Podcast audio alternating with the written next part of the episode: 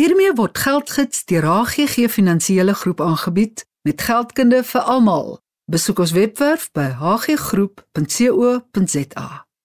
In geldgids is ons besig met die geldalfabet. Ons vorder nou al by die letter N en ons paneelkundiges wat vandag vir ons geldbegrippe verduidelik is Tina Tiart, sy is direkteur van HGG NPO Sustainability Solutions. Dis 'n sakeeenheid van HGG Finansiële Groep en Eduan Basson en Stefan van der Walt albei verbonde aan die welvaart sakeeenheid van HGG Finansiële Groep. Stefan in ons daaglikse markverslae het sy oor die radio of in koerante kom ons saam met woorde soos Dow Jones en die FTSE as markaanduiders is daar Nasdaq. Wat behels Nasdaq in die Nasdaq indeks? So, Mariet, die Nasdaq is 'n internasionale aandelebeurs, maar die Nasdaq is eintlik die eerste elektroniese aandelebeurs in die wêreld. 'n Baie groot gedeelte van jou tegnologiese aandele verhandel op die Nasdaq en dan as jy verwys na die indeks, Die hele Nasdaq bestaan uit 2500 internasionale aandele waarvan die helfte omtrent tegnologiese aandele is. En dan as jy gaan kyk na die indeks wat jy nou in jou markverslae sien, dan verwys hulle normaalweg na die Nasdaq 100. Dis die top 100 aandele volgens markkapitalisasie, maar dit sluit jou finansiële aandele uit wat op die Nasdaq gelys is. Tegnologies sal er dan Apple wees wat seker heel bo aan staan. Absoluut. So dit sluit in wat ons na toe verwys as jou FANGs. FANGs staan natuurlik vir Facebook, Apple, Amazon, Netflix en Google. Dit sal insluit maatskappye soos Microsoft, ehm um, Tesla is daar gelys, Starbucks is daar gelys. So as jy in 'n portefeulje belê en Nasdaq is 'n gedeelte daarvan, dan kry jy baie lekker blootstelling aan groot internasionale maatskappye waarvan omtrent 50% weer eens tegnologiese maatskappye is. En is hierdie tegnologiese maatskappye byvoorbeeld nie op die Dow Jones gelys nie? Van hulle is dubbel gelys op die Nasdaq en op die Dow Jones. Maar as jy graag meer blootstelling aan tegnologiese aandele wil hê, is dit 'n baie goeie idee om die Russell 100 ETF wat eintlik staan vir beursverhandelde fondse by jou portefeulje by te sit en dit sal dan jou blootstelling aan tegnologiese aandele verhoog in jou portefeulje. En dis jou portefeulje bestuurder wat hier as gids vir jou moet optree. Dis korrek. Wat is in geldverwante terme nalatenskap? Nalatenskap is nie net bloot die bates wat jy nalat ten tye van jou afsterwe nie. Nalatenskap is eintlik die bates wat oorbly nadat jy boedelbelasting betaal het, nadat jy jou eksekuteur fooie betaal het, nadat BTW betaal is, dit sal dan die nalatenskap wees wat eintlik na jou begunstigdes toe gaan. En as jy dan met 'n finansiële bestuurder sit en hy doen 'n boedelbeplanning vir jou, dan kan jy baie mooi gaan bepaal wat is die nalatenskap wat jy wil nalat na jou afsterwe. Want al die kostes soos uh boedelbelasting, soos eksekuteur fooie, soos BTW, kan jy voorsiening maak met lewensdekking wat dan daai uitgawes sal dek en dit sal verhoed dat daar dalk bates verkoop moet word wat jy eintlik aan jou begunstigdes wou nalat. As ons luisteraars met jou in verbinding wil tree, Stefan mag hulle met jou praat. Hulle kan vir my e-pos stuur na stefan met 'n ph by hggroep.co.za. Dankie Stefan. Eduan, ons het in 'n vroeëre program onder M oor mediese fondse gepraat. In dieselfde asem word dikwels netwerkopsies genoem. En nou wat ons onder N begrippe verduidelik. Wat is 'n netwerkopsie? Dit net betrekking op mediese fondse? Maar het ja, 'n netwerkopsie verwys na 'n mediese fonds waar die mediese fondsmaatskappy spesifieke of vasgestelde tariewe onderhandel het met spesifieke diensteverskaffers. Daai spesifieke diensteverskaffers is die netwerk van hierdie netwerkopsie. Met ander woorde, as jy op 'n netwerkopsie mediese fonds is, is daar spesifieke hospitale waarheen jy kan gaan spesifieke dokters wat jy kan gaan sien wat op hierdie netwerk is, spesifieke apteke by wie jy jou voorskrif kan aanvul. Die netwerkopsies is gereeld goedkoper as die opsie wat jou toelaat om by enige hospitaal en enige dokter om te gaan, maar jy moet bewus wees van die beperkings wat daardie opsie het. Anders te kan daar addisionele onkoste wees sou jy nie by die regte persoon mediese sorg gaan soek nie. Daar is opsies wat jy toelaat om na enige hospitaal toe te gaan, na enige spesialist toe te gaan, maar jy betaal meer om op daardie opsies te wees as wat jy sal betaal om op 'n netwerk opsie te wees. Ek is ook in jou veld nuuskierig om te hoor wat beteken nominale opbrengste of nominale groei. Maar het nominale groei of nominale opbrengste is opbrengste wat aangedui word sonder om inflasie in ag te neem of sonder om saamgestelde rente in ag te neem. Dit is uh, iets wat ons gereeld teekom veral by meer konservatiewe beleggers waar hulle die banke se opbrengste op spaarrekeninge sal vergelyk met ander beleggingsopsies. So ons sal gereeld hoor uh, my bank het gesê hulle bied 'n rentekoers van 15% op 'n spaarrekening aan oor 5 jaar en die individu sal onder die indruk wees dat hy jaarliks 15% groei sal geniet vir die volgende 5 jaar. Maar inflasie word dan nie in ag geneem nie. Nee nee, dit nie.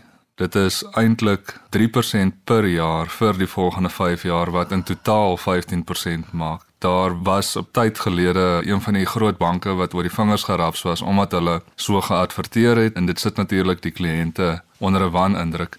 En so Stefan ook nou vroeër oor Nasdaq gepraat het, ook maar as 'n praktiese voorbeeld, gestel die Nasdaq se opbrengste oor die laaste jaar was 10%, Dit is 'n nominale opbrengste. As jy 'n inflasiekoers van 5% dan in ag neem, is jou reële opbrengste 10% minus die 5% inflasie. So jou reële opbrengste is dan 5%. Edwan, as ons luisteraars by jou wil kom aanklop om meer inligting hieroor te kry, jou e-posadres? Uh, ek is edwanb@hggroep.co.za. Tina is direkteur van HGG se NPO Sustainability Solutions sake eenheid. Ons hoor dikwels die Engelse terme NPO wat dan in Afrikaans sal wees organisasie sonder winsbejag en daarmee saam wat tot groot verwarring lei. Hoor ons NGO wat 'n regeringsorganisasie is. Wat is die verskil tussen hierdie twee? In Suid-Afrika word die meeste van die nie winsgewende organisasies geklassifiseer as NPO's non-profit organisations. Organisasies sonder winsbejag. Ja. Maar internasionaal het ons die term NGO. Ja. En dit is organisasies wat nie met die regering verband hou nie, maar hulle doen sosiale werk. So, dis 'n internasionale term en ongelukkig op die oomblik is daar mense wat rondloop en probeer vir mense oortuig om te registreer as 'n NGO, ja. want dan gaan jy internasionale geld kry. Maar dit is nie so nie, want in Suid-Afrika werk die registrasie van nie winsgewende organisasies heel anderste. Nou gee vir ons die gevaartekens wanneer iemand vir jou sou nader en sê gee vir my R2000 dan registreer ek jou as 'n nie-regeringsorganisasie. Ek dink eerstens as hulle sê NGO, dan moet jy ver weg hardloop want ons het nie NGO's nie. In Suid-Afrika kan jy kan jy registreer as 'n vrywillige organisasie ja? en dis by die departement van sosiale werk. Dis 'n verniet registrasie. En dit beteken jy is 'n groep mense in 'n gemeenskap wat bymekaar gekom het en jy doen opheffingswerk in die gemeenskap. Of jy kan registreer soos 'n gewone maatskappy, maar 'n maatskappy met nie winsbejag. Met ander woorde, jy's 'n NPC, non-profit company. En wat is dan die verskil tussen 'n organisasie en 'n maatskappy? Die maatskappy word gereguleer deur die King Commission, deur dieselfde wette wat 'n gewone maatskappy mee gereguleer word. En is natuurlik baie aanvaarbaar vir donateurs as hulle sien jy is geregistreer as 'n nie winsgewende maatskappy. Onthou, jy gaan nog steeds net soos 'n gemeenskapsorganisasie gaan jy opereer, maar jy moet voldoen aan daardie vereistes van 'n maatskappy. En hierdie sake eenheid waarvan jy direkteur is by HGG Finansiële Groep, het 'n titel naas NPO, is dit Sustainability Solutions. Hoekom noem julle julleself Ja, ons So. is soos 'n eenstop vir al hierdie NPO's, NGO's, whatever hulle voorgeregistreer is, waar ons hulle die nodige inligting gee oor hoe om hierdie gemeenskapsorganisasie volhoudend te maak. Deesdae wil alle donateurs weet as ek hier wegstap, hoe gaan jy nog aanhou bestaan? Hoe gaan jy nog jou werk doen? En is baie meer as net wat se fondse kom in. Dit is ook oor hoe jy jou organisasie organiseer. Hoe jy seker maak dat jy die nodige vaardigheid het. En dis hoekom ons weer eens by HGG daardie SETA vaardighede en daardie kursusse aanbied. En dit is regtig oor hoe jy jou geld spandeer. Hoe volhoubaar jy dit spandeer. En dis hoekom weer eens by HGG het ons baie platforms waar jy geld kan op 'n beter manier belê as wat jy dit by 'n gewone bank kan doen.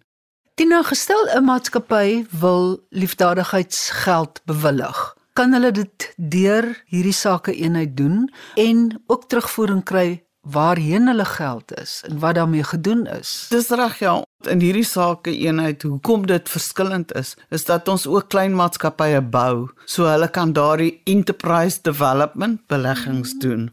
Ons doen ook vaardigheidsontwikkeling. So daai 6% van jou salarisrekening wat jy moet spandeer aan vaardigheidsontwikkeling, ja. ons kan dit doen.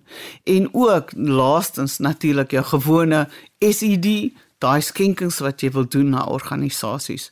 Die nuwe BEE uh, vereis dat daardie organisasies moet by SARS geregistreer wees en hulle moet publieke befondsingsorganisasies wees. Jy kan nie net meer aan enige sportorganisasie geld gee nie. Tina, wil jy nie net asseblief vir ons verduidelik wat is in julle projekportefeulje? Ja, ek moet sê ons probeer om 'n baie wye spektrum van projekte te dek want eintlik is die nood so groot in Suid-Afrika.